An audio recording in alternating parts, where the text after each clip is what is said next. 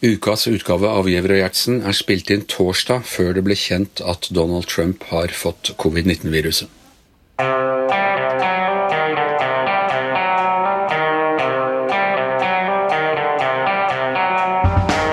Ikke visste jeg at alle disse dagene som kom og gikk, de var selve høstferien. Mange er på fjellet og på hyttene sine, men noen må holde hjula i gang, Thomas Gjertsen. Nettopp her sitter vi, arbeidskara, med oppretta armer og prøver å holde hjulene i gang. Jordas salt, rett og slett. jeg pleier å si, jeg har begynt å si at vi som bygde landet, men du er litt for ung til det ennå, så du må, du må vente. Ja, jeg reparerer. ja, du, du, som går etter og flikker. vi som feier opp. ja, det er helt riktig. Vi tørker og pynter og reparerer litt. Ja, ja, det, er, det, er, det, er, det er vår Vi som finisher landet. Ja, og vedlikeholder, da, kan man godt si. Du, denne uka så fikk jeg um, Eh, telefonen fra Politiets sikkerhetstjeneste. Nettopp pga. vår gjest i dag? Av vår gjest i dag. Nå tror jeg jeg skal prøve å lure deg til å tro at det hadde noe med Bertheussen-saken å gjøre. Men, men, men, ja, på grunn av gjesten som de skulle sjekke liksom sikkerheten rundt uh, ukas gjest. Men hva, hva, hva sa de? Nei, De ville høre liksom hvordan uh, sikkerhetsopplegget var her i, i VG-bygget, og litt sånn geografien og, og sånn. Det skjønner jeg, men, men hva ringte vedkommende og sa? Var det en mann eller dame som ringte? Eh, det var en mann som ringte. Og, og sa hei, jeg er fra PST? Eh, ja, han presenterte seg ved navn og sa at han, fra, at han var fra PST, eskorteavdelingen.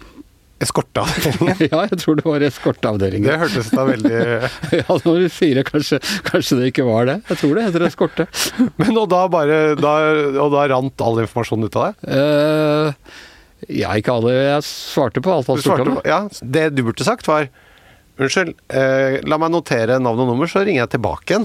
Du, der har du for så vidt et poeng. Jeg, jeg er så flau at jeg vet ikke helt hva jeg skal si nå, Thomas.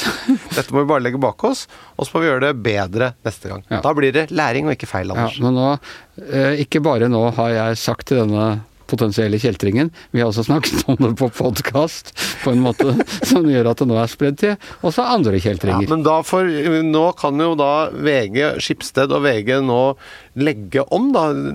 Lage nye sperringer, og så får vi rette opp på den måten. Ja. Det, det, koster litt, denne podkasten.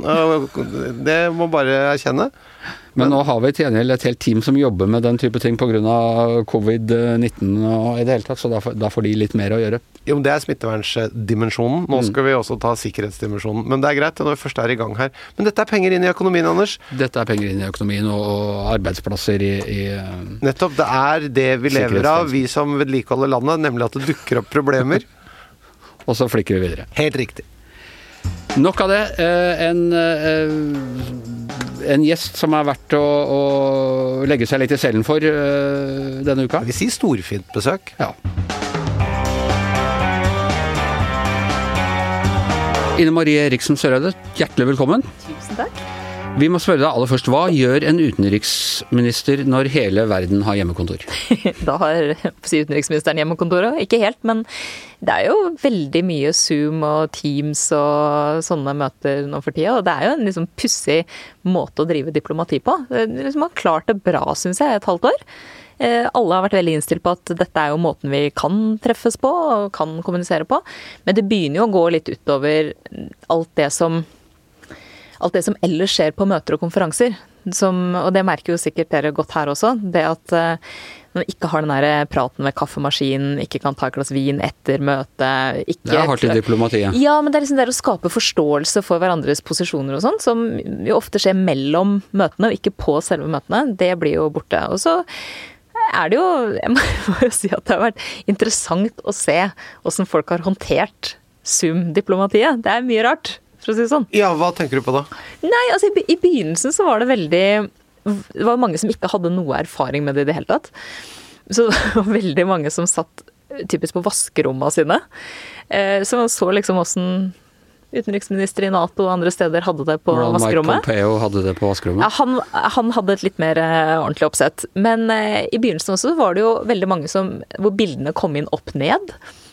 Det var Altså bildene av utenriksministeren? Altså, Absolutt. Ja. Kom inn opp ned. Så du måtte sitte og høre på saklig eh, Med bilder så en som snakker på hodet? Ja. Men det er jo, det er jo som en sketsj. Men kan man diskutere sikkerhetspolitiske spørsmål f.eks. på hodet? Kan du klare å ta et menneske på, på, alvor da, når du sitter her? Ja, altså man må jo legge, må legge godvilja til også. Hvem var det som var på hodet? Du må fortelle oss det. Eh, hvis det ikke husker feil, så var det utenriksministeren fra Romania. Men det kan godt altså, Dette her var i april, så det var veldig tidlig. Det var 2. april, så det var sånn kjempetidlig. Um, men eh, det er jo også sånn at en del på en del sånne konferanser så er det jo noen ferdiginnspilte eller forhåndsinnspilte innlegg. For dette her vil jo alltid treffe noen da midt på natta eller sånn, ikke sant, så de ikke kan delta sjøl, men ja. Og det som ganske ofte skjer, er at alle møter begynner med 'can you hear me', 'can you see me', og liksom unmute og alt mulig sånt. Og når det er Det har vært noen situasjoner hvor det har vært noen som har snakka, og så har de vært muta.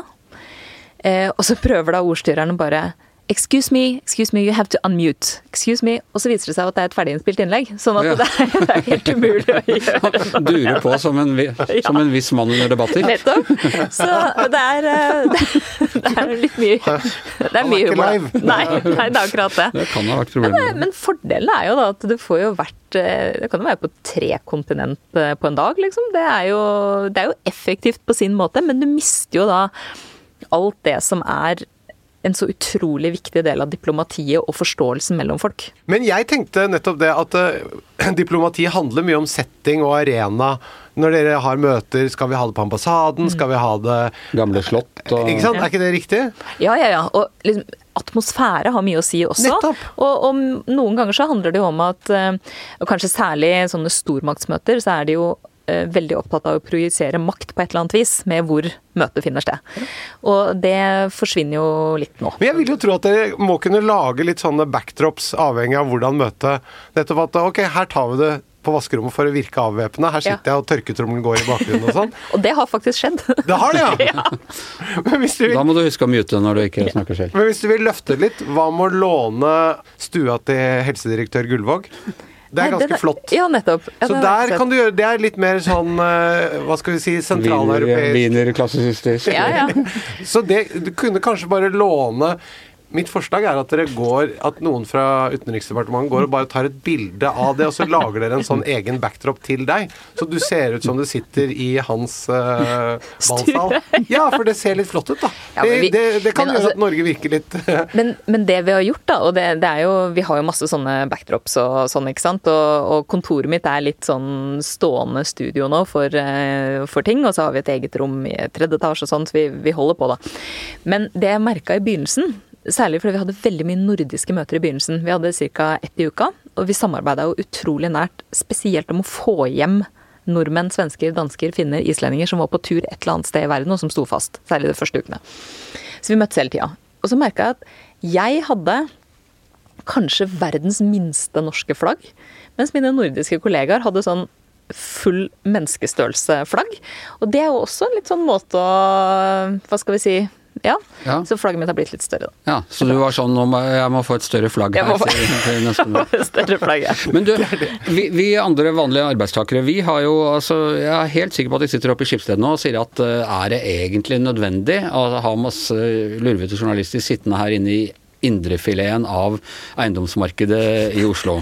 Når, de villige, når, det går helt fint å, å, ha dem hjemmefra. Så vi forbereder oss på det, at hjemmekontor kanskje blir en sånn i hvert fall delvis eh, permanent. Eh, man kan drive ganske mye billigere utenrikspolitikk også hvis vi kutter ut eh, ambassaden og alle reisene og bare tar det på Zoom. Ja, men det er litt det jeg sa i stad, at vi, vi misser jo ganske mye òg, da. Vi, vi, får til mye. Vi gjør det vi, vi kan gjøre og må gjøre, fordi at liksom prosesser skal gå videre, forhandlinger f.eks., for enten det er brexit eller, eller andre ting. Men samtidig så er jeg veldig redd for at vi, hvis vi må holde på med dette her i kanskje et halvt år eller et år til, som hovedregel, og det kan jo hende, så er det så mye av den forståelsen, kontakten, relasjonene, alt det som bidrar til å gjøre diplomatiet til et viktig verktøy for å ivareta interesser, alt det blir mye, mye vanskeligere. Altså jeg har sagt noen ganger at jeg var sjeleglad for at jeg hadde vært forsvarsminister i fire år og utenriksminister i to og et halvt da det skjedde. Fordi jeg kjenner jo kollegaene mine, jeg har et nettverk. Jeg har flere kollegaer nå som har blitt utenriksministre sånn i januar-februar-aktig. Og aldri har møtt en kollega fysisk. Nei. Ikke sant? Skal begynne en relasjon markere seg på Zoom. Ja, sant? skal begynne en relasjon med mennesker du ikke kjenner, på Zoom. Ja. På et språk som ikke er ditt. Det er en ganske sånn så, så, det tror jeg egentlig forteller litt om, om, viktigheten av de fysiske møtene også. Hvor, hvor vi da f.eks. når vi får eh, nye utenriksministerkollegaer i Nato, så er det første som skjer på møtene, er jo at sant, de blir tatt inn i, inn i gjengen, har nær sagt, og, og, liksom står og snakker sammen over kaffen i pausene, står og liksom får hatt den smalltalken og liksom gjort, gjort, seg kjent med folk. Eh, og får litt bedre forståelse av liksom, hva er viktig for det landet, hva er viktig for prioriteringer for den regjeringa. Og, og, den delen forsvinner jo, den blir borte, liksom. Små, små, gaver. Dere må lage litt mer sånn event rundt de Zoom-møtene. Først må du ha ulike backdrops, avhengig av det. Så må du ha litt musikk. Og så kanskje også få levert ting på døra til den du prater med mens du prater. Skjønner du at du bestiller sånn ballonger, f.eks. Cupcakes. ja, cupcake. det kan komme ting, da. Vent litt, jeg må gå og åpne døra. Ja, så sier du, du Jeg hører det ringer på hos deg. For de tenker kan ikke noen andre lukke opp døra nå? Så sier du nei, bare lukk opp den døren. Det er greit. Bare gå. I have time, sier du. Og så jeg tenker, Vi må bare tenke kreativt her. Så egne Zoom-eventbyråer, rett og slett. Men Thomas, dette her hørtes såpass gjennomtenkt ut at jeg tror du egentlig har et konsept klart? Jeg, altså, jeg har ikke et konsept klart, jeg har det inni hodet. Men eh, jeg ruller det gjerne ut for Utenriksdepartementet. Hvis dere ønsker mer, så kommer jeg gjerne på en pitch. Veldig bra. Men, vi tar kontakt etter podkasten. vi, vi, vi, må prate om andre ting også. Ikke minst så må vi eh, prate om USA. Så du presidentdebatten i natt eller i går? Det gjorde jeg. Ja, eh, Du så den live også, eller var det Ja. ja. Hva syns du? Jeg er veldig glad for at jeg ikke driver valgkamp i USA. Det er jeg. Fordi eh, det er jo et utrolig polarisert samfunn. Det har det jo vært i mange, mange år. Dere kjenner jo USA veldig godt begge to. Um, og det har jo egentlig bare blitt forsterka år for år. Og det at du har um, republikanere og demokrater som jo de siste 20 åra i, i, stadig mindre grad har klart å bli enige om noe som helst politisk, det påvirker jo folk på mange måter. Det polariserer mer. Og så påvirker det jo politikerne at samfunnet er polarisert òg, så det er liksom en litt sånn negativ runddans, på en måte. Uh, og jeg tenker at det, det, støynivået som var i den debatten, gjør at jeg er uh, veldig, veldig glad for at vi har en veldig annerledes og veldig mye bedre politisk debatt om saker i Norge. Jeg vet ikke, Dette har ikke vi snakket om heller, men tror dere det har noe for seg det der som nå, forslaget nå om å eh, lage nye regler for hvordan debatten skal være og sånt nå? Altså, kan man temme dette her med, med form? Altså, jeg, jeg veit ikke helt. Eh, og det er nok rett og slett fordi at nå som valget nærmer seg, og retorikken spisses til overalt. Eh, det blir sannsynligvis også sant, flere politiske markeringer, demonstrasjoner og andre ting fram mot valget, som gjør at jeg tror det å det, liksom, hvilken verdi de debattene har som evne til å flytte velgere, er jeg ganske usikker på. Jeg tror det bidrar til å mobilisere ens egen, egne velgere. Eh, og, og, kanskje liksom gjøre ens egne støttespillere liksom sterkere i trua på budskapet. Men jeg tror at hvis, hvis du sitter som eh, en velger som ikke har bestemt deg, og ser en sånn debatt, eh, så tror jeg kanskje ikke at eh, lysten til å stemme blir spesielt stor. Men hvis du er overbevist demokrat eller republikaner fra før, så kan det godt hende at, at det bidrar til å mobilisere deg til å gå og velge. Så debatten, den politiske debatten er ikke lenger en arena for å vinne velgere, det er bare et symptom på hvordan samfunnet er? Ikke nødvendigvis, men jeg tror at akkurat de debattene, som det da skal egentlig være tre stykker av, helt mot innspurten av eh, valget i et så polarisert samfunn, er jeg ikke sikker på, sånn som de ser ut nå i hvert fall, kommer til å liksom bevege så mange velgere. Men de er jo viktige. altså Et offentlig ordskifte om politikk er jo viktig. Debatter er viktige. Men det å eh, den, hva skal vi si, den, den formen og den situasjonen som er i det amerikanske samfunnet også i dag, det innbyr jo ikke til at dette blir debatter som bidrar til å opplyse folk i, i nevneverdig grad, f.eks. Så jeg, jeg, er nok litt, eh, jeg er litt spent på hva denne kommisjonen som arrangerer debattene, kommer fram til. Jeg hørte flere forslag i dag morges om hva de, hva de tenkte å kunne gjøre. men um, for, for, det å, å liksom kutte ut debatter er, har jo også en veldig negativ side. Og det er jo en liksom fallitterklæring, tenker jeg, hvis du ikke kan ha politiske debatter i en presidentvalgkamp. Det var den første reaksjonen på CNN. Jeg hørte Wolf Blitzer, antagelig den mest erfarne ja. politiske uh, journalisten i USA, han sa at vi kan ikke ha flere debatter. Mm. Men du, jeg skjønner at du ikke vil kaste terning som utenriksminister på, på disse, men her er et paradoks som jeg er litt opptatt av. Altså, Du har et uh, godt forhold til Mike Pompeo, som er uh, utenriksministeren. Vi har mm. noen fine bilder av dere hvor det ser, ser i hvert fall ut som dere har god kjemi. Erna Solberg turnerte, har turnert Trump veldig godt, og hele den ideen om at Norge er den beste kunden osv. Jens Stoltenberg Uh, har også håndtert Trump godt. Er det ikke sånn at Norge nå paradoksalt nok har det beste forholdet og det beste inntaket til Det hvite hus som vi har hatt på tilbake til Roosevelts tid, eller noe sånt? Da kronprinsfamilien bodde der? Altså jeg opplever vel det at vi jevnt over har et veldig godt arbeidsforhold til alle amerikanske administrasjoner. Det har vi hatt uh, så lenge jeg kan huske, og det kommer vi til å ha framover òg. Men Bush ville ikke treffe Stoltenberg og, og, og, Obama til tross for at vi ga ham fredspris og alt. Vi sto ikke akkurat først i køen, så, så det er bedre nå. Ja, men jeg tror det, det vi har gjort da, fra, fra, norsk side, som jeg mener har vært veldig riktig, og det har vi gjort i, i mange mange år, og med si, forskjellige perioder, både demokrater og republikanere, det er at vi alltid har pleid veldig god kontakt med begge politiske partier og begge miljøer. Og vi har brukt mye eh, tid og ressurser på f.eks. Eh, amerikanske tenketanker. De er jo gjerne ganske politiserte eller politiske, de hører veldig klart til på den ene eller andre sida, men de er veldig viktige, fordi ofte kommer jo de som skal eh, besette viktige posisjoner i en administrasjon, fra tenketankmiljøet. Og, det å ha god kontakt hele veien på begge sider, det er noe som ikke nødvendigvis alle land bestandig har gjort. Altså Man har liksom hatt tettere relasjoner til demokratene eller republikanerne, alt ettersom. Og jeg mener at den, det med å gjøre begge deler er, det, er, en utrolig viktig investering. Eh, fordi dette er mennesker som kommer til å være med på å prege samfunnsutviklinga i USA uansett eh, hvem som, hvem som vinner valget. Og så tror jeg vi har noe med um, amerikanerne som jeg mener er en veldig viktig del. Altså det er vår uh, viktigste allierte, det er det ingen tvil om. Vi har et veldig nært og godt samarbeid på helt avgjørende område for Norge og for USA.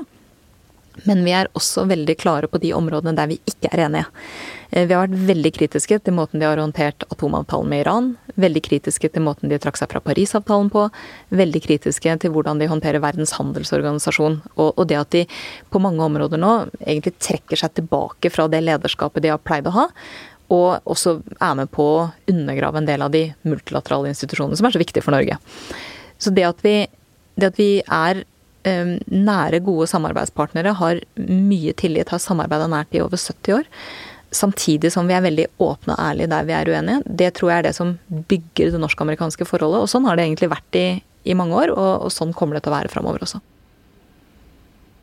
Altså Jens Stoltenbergs rolle i Nato, mm. eh, hans personlige håndtering av den rollen, hvor viktig tror du den har vært i forhold til å holde Nato sammen, og, og at Trump fortsatt eh, vil være med. Mm.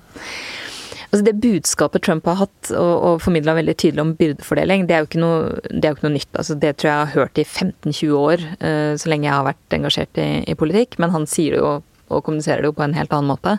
Og jeg tror det er mange ting som som har bidratt i, i, riktig retning. Eh, det er klart eh, både det at allierte bruker mer penger på forsvar, Norge absolutt inkludert. Det at vi har vært med, fra Norges side i hvert fall, å ta, ta lederskap på å reformere Nato. Det har vært viktig. Men så har også uh, Jens vært viktig, og er viktig, uh, fordi han har en god måte å kommunisere med og diskutere med Trump på. Og det tror jeg er viktig for enhver generalsekretær i Nato, å ha en god dialog med den amerikanske presidenten. Det må være en hovedoppgave for en, en Nato-generalsekretær. Men jeg tror Jens har, gjort det og klart det på en god måte. Jeg tror han har trekket mye erfaring av det at han har vært statsminister. Eh, og selvfølgelig håndtert ulike både amerikanske presidenter og, og andre ledere. Og russiske presidenter. Hmm? Ja, og russiske ledere. Ja, absolutt. Så, og det tror jeg nok har vært en eh, Særlig fordi at nå er verden så uforutsigbar, og det, det, skjer så mye samtidig. Og veldig mange negative utviklingstrekk forsterker hverandre, og så kom pandemien og egentlig gjorde det enda litt verre. Og det å da kunne navigere i det farvannet, det er kjempeviktig for et lite land som Norge. Men det er også viktig for organisasjoner som Nato, og med da en generalsekretær som kan bidra. Så hvis du får en person i den rollen som har en litt sånn kantete personlighet, så er, selv om eh, faktaene er omtrent de samme, så kan det bli større problemer? Ja, altså Det å være generalsekretær i Nato eller i en annen stor organisasjon, eller det å være statsminister i Norge eller eh, president i USA, det er jo en oppgave som i veldig stor grad handler om å få gjennomslag for eh, noen interesser. Det kan være noen egne interesser for landet eller for organisasjonen, men det kan også være breiere interesser. Og da må det jo være smidig på en sånn måte at du eh, ikke går fra det som er hovedpoeng og hovedmotivasjonen din, men du oppnår jo ikke den ved å bare si at det er dette jeg vil, eh, dere får komme hit hvor jeg står. Sånn fungerer det aldri. Så du må, du må gi og ta litt, eh, jenke seg litt. Og det er det jeg mener er noe av det utrolig viktige med den norske politiske kulturen, som, som jo i mange land nå er under ganske mye press, det er kompromisskulturen. Og så kan kompromisset kan høres utrolig kjedelig ut. Men det å faktisk være enige om de lange linjene, det gir et land som Norge større innflytelse internasjonalt. Hadde vi ikke vært det, så ville vi vært i en annen situasjon som et lite land. Og vi ser jo også det på, på håndtering av pandemien, at selv om, selv om det selvfølgelig vil være uenigheter sånn her og der om man skal åpne sånn eller lukke sånn, eller hva man skal gjøre, så er liksom i hovedtrekk så, så er det brei enighet om det meste. Og det fører også til noe som jeg mener er litt unikt for si, det norske, nordiske og delvis europeiske politiske landskapet, og som er en verdi som vi skal være så glad at vi har. Og det er at vi grunnleggende sett har tillit til samfunnet. Tillit mellom mennesker. Tillit til myndighetene. Og jeg skal seinere i dag delta på et, et eh, debattmøte eller et intervju Eh, i forbindelse med at det er den internasjonale dagen for tilgang til pålitelig informasjon. Og hvis dere ser rundt dere hvor mange temaer som preges av disinformasjon, som preges av eh, at man undergraver tillit, og hvor skadelig og farlig det kan være, så tror jeg vi skal være utrolig glad for at vi liksom har et samfunn der alle er innstilt på å bidra til den tilliten. Så i dag morges, tror jeg det var, så var Facebook ute og sa at de kom til å fjerne alle forsøk på å undergrave valg i alle land. Eller undergrave tilliten til at valg gjennomføres på en ordentlig måte. Og det er ganske sterk kost også. Det er bra. Hvilken backdrop har du valgt for det møtet? du, altså, det overlater jeg til eventbyrået. ja, jeg skal tenke litt på Dovre foreslår jeg som enig og tro til Dovre faller. for eksempel skal man tenke litt på også hva har du i tørketrommelen? Er det undertøy? Er det, er det Og det er ikke alt som skal tromles selv. Sengetøy er veldig sånn nøytralt, vil jeg tenke. Men salgspitchen, Thomas, må du fortsette etterpå, for jeg er litt sånn Ja, ja, ja nei, det var ikke Unnskyld, det var ikke meningen å, å spore av her, men vi, vi Poenget er Anders, at eh, som det ble sagt her, både fra utenriksministeren og fra meg, dette er viktig. Ja. Dette, dette, ja, det... dette, flytter politikk. Dette, dette, gjør, dette gir utslag, dette er materielt. Og når vi da har klart å opprette denne delikate balansen, ikke minst i forhold til USA og, og det stabile geniet som, som, hersker der, hvor smart er det da å komme inn i FNs sikkerhetsråd, uh, hvor vi er nødt til å komme i skvis mellom USA og f.eks. Kina? Ja, den, denne uka her er jo litt spesiell, for vi går inn som observatører i Sikkerhetsrådet. Sånn at vi har nå fra 1.10 til, eh, til 1.1 eh, på å sitte inne i de aller fleste diskusjoner. Observere dynamikken, forberede oss godt. Det har vi jo gjort lenge, men vi går jo litt i en intens fase nå. Er det litt som å stå og se på den der eh, berg-og-dal-banen og lure på tør jeg eller tør jeg ikke? For å si det sånn, vi har allerede kjøpt billett. det, nei, så, det er ingen vei tilbake. Nei. Så vi venter bare på vår tur. Ja. Så, så det, det, har vi allerede gjort. Men, men det at vi eh, Altså, vi, vi har noen eh, fordeler som Norge når vi går inn i Sikkerhetsrådet. Det ene er at vi har et, et godt forhold til alle de fem faste medlemmene. Det er viktig. Men det betyr jo ikke at vi alltid er enige med dem. Tvert imot. Og den veldig dype strategiske rivaliseringa som er mellom USA og Kina nå, er jo for det første ikke ny, men den, jo, den, den tar seg jo opp. Og jeg er helt sikker på at den kommer til å fortsette uansett hvem som vinner presidentvalget. Fordi at dette er en av de ytterst få tinga republikanere og demokrater er enige om politisk. Det å konfrontere Kina.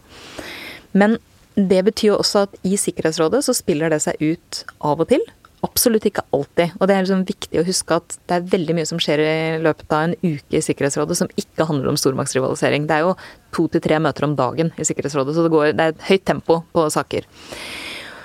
Men poenget er at den diskusjonen mellom USA og Kina, den er jo vi og alle andre land en del av eller utsatt for hver eneste dag, også utafor Sikkerhetsrådet.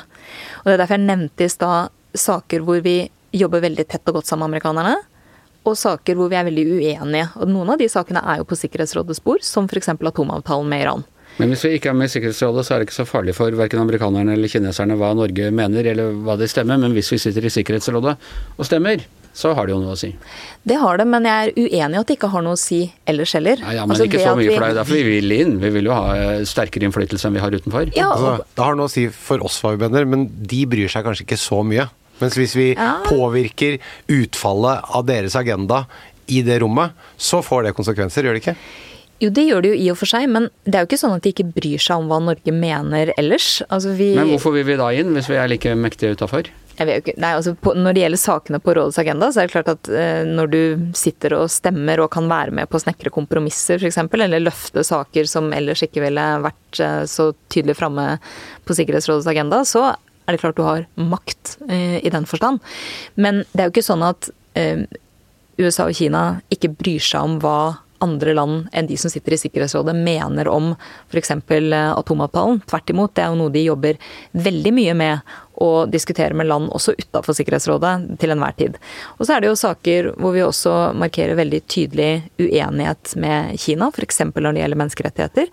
Og det kommer jo også eh, sannsynligvis til å være på Sikkerhetsrådets bord i noen sammenhenger. Men hvis vi får en avgjørende stemme i et eller annet viktig spørsmål for f.eks. Kina, tåler vi en ny runde i fryseboksen der nå? Altså, vi må jo stå på det vi mener er riktig. Eh, og det at uh, altså, Det er jo litt delte meninger om vi har gjort det i, i, uh, forhold til Kina, da. Altså, vi har jo i veldig stor grad nå de siste særlig to, to og et halvt åra brukt mye ressurser på spørsmål om menneskerettigheter, og vært veldig tydelig direkte til Kina, men også sammen med andre land i Menneskerettighetsrådet f.eks. Og det er jo noe vi kommer til å fortsette med, fordi vi mener det er både viktig og riktig.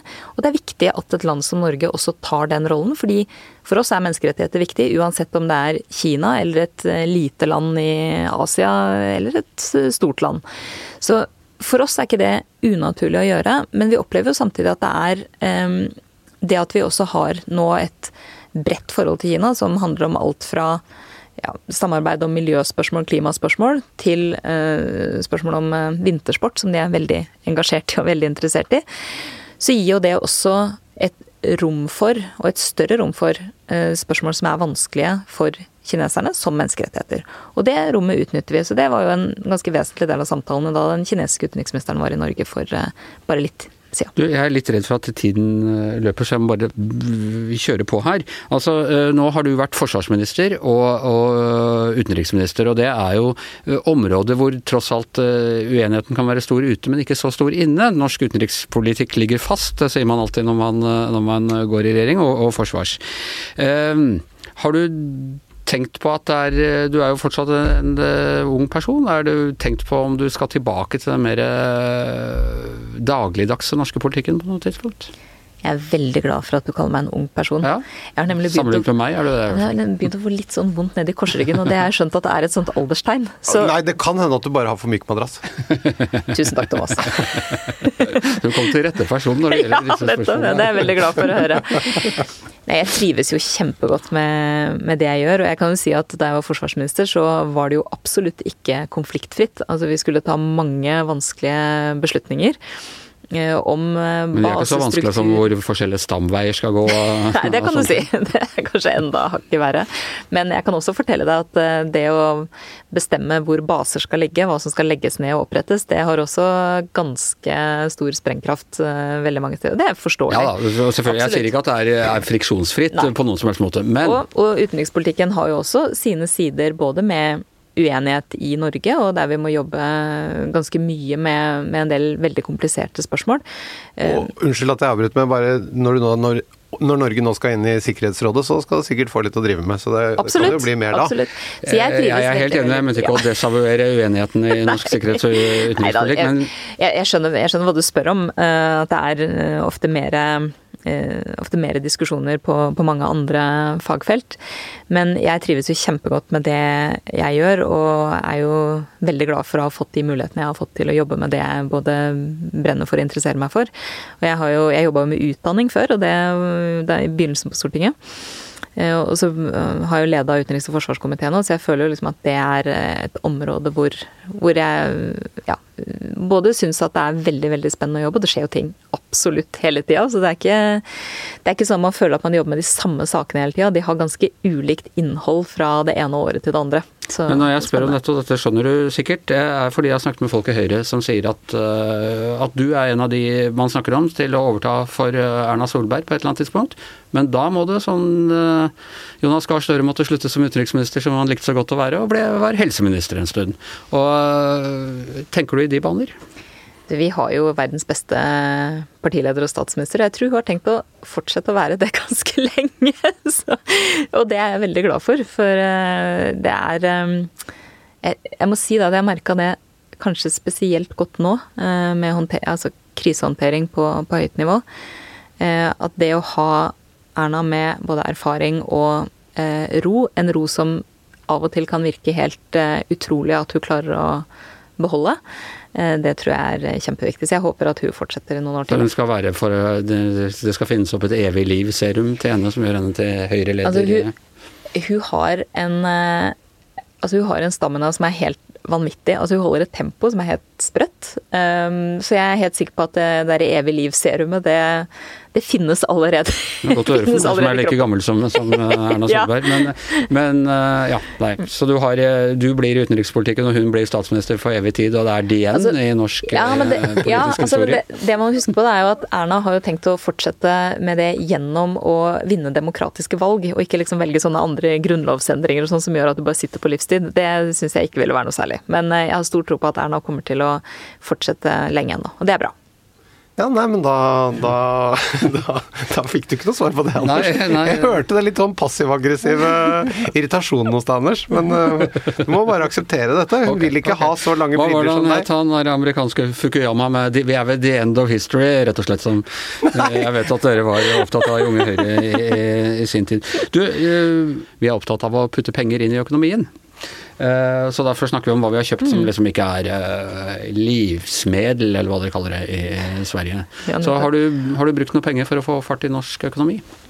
Jeg har det. Eh, jeg har, som jeg tror ganske mange andre har gjort nå, kjøpt inn nye, fine, komfortable ullklær for høsten og vinteren. Så jeg har forberedt meg på et liv på Zoom. Å oh ja, da, men da skal du ha ull. Det er ikke veldig varmt på vaskerommet med ull, da? Går den tørketrommelen og blåser ut varmen? Du, altså, jeg har vaskemaskin i kjelleren, så det er veldig uaktuelt for meg å bruke vaskeromsgreia. Uh, Nettopp. Men, uh, det, er det er litt... kaldt på Zoom-rommet ditt? kaldt på Zoom-rommet. så der, der, blir det litt uh, behagelig ull. Jeg er litt så... sånn frossenpinn, så for meg så er det Jeg pleier liksom, når denne tida her kommer Altså de ukene vi har nå, hvor det er litt sånn midt imellom eh, syns jeg er litt irriterende. Jeg har lyst til å begynne å fyre i peisen. det er foreløpig bitte, bitte litt for varmt. Men snart, gi deg ei uke, så er det fyr i peisen. Og på med litt eh, komfortable ullklær. Men har du også kjøpt sånne ullklær som du kan ha under veldig flotte kjoler som på en måte ikke ser ut som det er ullklær? Ikke sant? Det er korrekt. Altså, du må være smart her, Thomas. Ja. ja. Så du skjønner at det, når jeg, hvis jeg spiller en TV-serie, og da er det også veldig kaldt av og til. Da, men da må de klippe bort uh, noe av kragen, så ikke du skal se den inni skjorten. Det er veldig urutinert. Hva gjør du da? Du har dårlige folk rundt deg. Å, du kjøper noen andre typer ullklær? altså for eksempel så finnes det da, og dette er veldig viktig for um, kvinner eh, og diplomatiet, ja. og også menn. Også herrer, ja. Også herrer. Altså når du da kjøper f.eks. tynne ulltrøyer til å ha under, ja så har de bare trekvart arm, selvfølgelig, sånn at de ikke skal stikke ut. Og så har de liksom dypere utringning i halsen, så du skal kunne ha en skjorteknapp åpen. Ja, men det nettopp. Jeg, jeg, visste ikke at man fikk kjøpt det. Fordi de klipper, det, de klipper av halsen uh, på opptak, og da ser jeg mer ut som en sånn uh, ballettdanser. Hvis du skjønner. Men, men uten at kroppen leverer på det samme. Men, uh, hva? Har ikke du dansa jazzballett? Ja, det er helt riktig. Så, men, den, men, er, jeg kan si at det er ikke noe særlig kledelig å ha sånn ballettdanserutringning og ikke ha kroppen til det. Det er to skjønner. Jeg skjønner. Det hører sammen med en mer hva skal vi si, ryddig uh, skulptur. En ryddig skulptur, ja. Thomas, hva har du, har du kjøpt deg noe til jazzballetten, eller er det Nei, jeg har ikke det. Jeg har kjøpt um, Jeg har kjøpt meg en uh, ny gryte. Ja. ja. En hva slags gryte? En sånn, uh, sånn jerngryte. Stor. Le Creuset? Helt riktig! Ja. Som jeg skal lage fårikål i. Ok. Ja. okay. Ja, jeg skal det... nå, jeg skal I dag så skal jeg lage uh, fårikål Eh, med som eh, Eivind Hellstrøm med en slags sånn Jeg skal koke en grønnsakskraft først, som jeg skal ha oppi istedenfor bare vann. Okay. Så skal jeg gi en litt dypere, rikere smak på krafta. Er det gryte uten emalje, sånn at liksom eh, jernet setter seg litt i smaken? Nei, nei, nei, nei, jeg vil ikke ha det jernet inni. Nei. nei. det er emalje. Så det kommer ikke noe, det kommer ikke noe uh, Hva skal vi si for noe partikler fra den gryta oppi. Det er ikke derfor jeg har den. den uh, nei. Ja. Og ja. Nei, men det er bra. Det er høst, høstgreier, det. Jeg har, også, nei, jeg har egentlig ikke kjøpt noe til meg selv, så nå må jeg, må jeg ta til min jeg har eh, en sønn som ble 15 år. Ja. Så han har fått iPhone, og så har han fått nytt regntøy. Så jeg har også bidratt til den høstinvesteringen. Oi, men det var mye både iPhone og regntøy. Ja. Men det var en veldig flott gave. Eh, ja, ja, det er jo det. Han har hatt den andre gamle iPhonen i flere år, så han har vært ja. veldig flink med den, i motsetning til hans eldre søsken som Jeg støtter dette fullt ut. Dette er både en raus og hyggelig far, som også støtter opp under samfunnsøkonomien. Jeg, dette er, dette er innertier, ja. Anders. Men da går vi alle høsten trygt i møte. Det er, det er i hvert fall sikkert. Jeg skal få tak i eh, ullundertøy med eh, fabrikksydd vid hals. Ja. Tre, tre fjerdedels eh, lang arm. Yes. Og du må på Skeidar og se på ny madrass? Åpenbart. Ikke sant? Så vi holder deg eh, Men dere skal jo møtes for å diskutere backdrops og, og Det skal vi ta. Det er helt sant. Jeg, jeg, også, jeg, gleder meg veldig til du skal komme og pitche denne ideen eh, i UD. Jeg tror vi skal også få inn noe som Altså alt det sanselige, så jeg skal tenke ut også noe hvordan vi kan påvirke lukten i rommet de er. For lukt er veldig, veldig sånn eh, Det treffer deg ganske dypt. Hvordan skal du forandre lukten hjemme hos Mike Pompeo? Nei, da må vi få noen, da må eventbyrået må sende noen på døra og komme med sånn eh, luktspray, eller ha, kanskje ha en parfyme på seg, den som leverer. Vi må gjøre det litt subtilt og elegant. Dette skal jeg jobbe med. Okay. Jeg, jeg avslører ikke alt her nå. Nei, Nei med, med, disse luftige planene, må jeg si, så, så takker Giæver og Gjertsen for seg eh, denne uken. Tusen takk til utenriksministeren som tok seg tid fra sin busy schedule.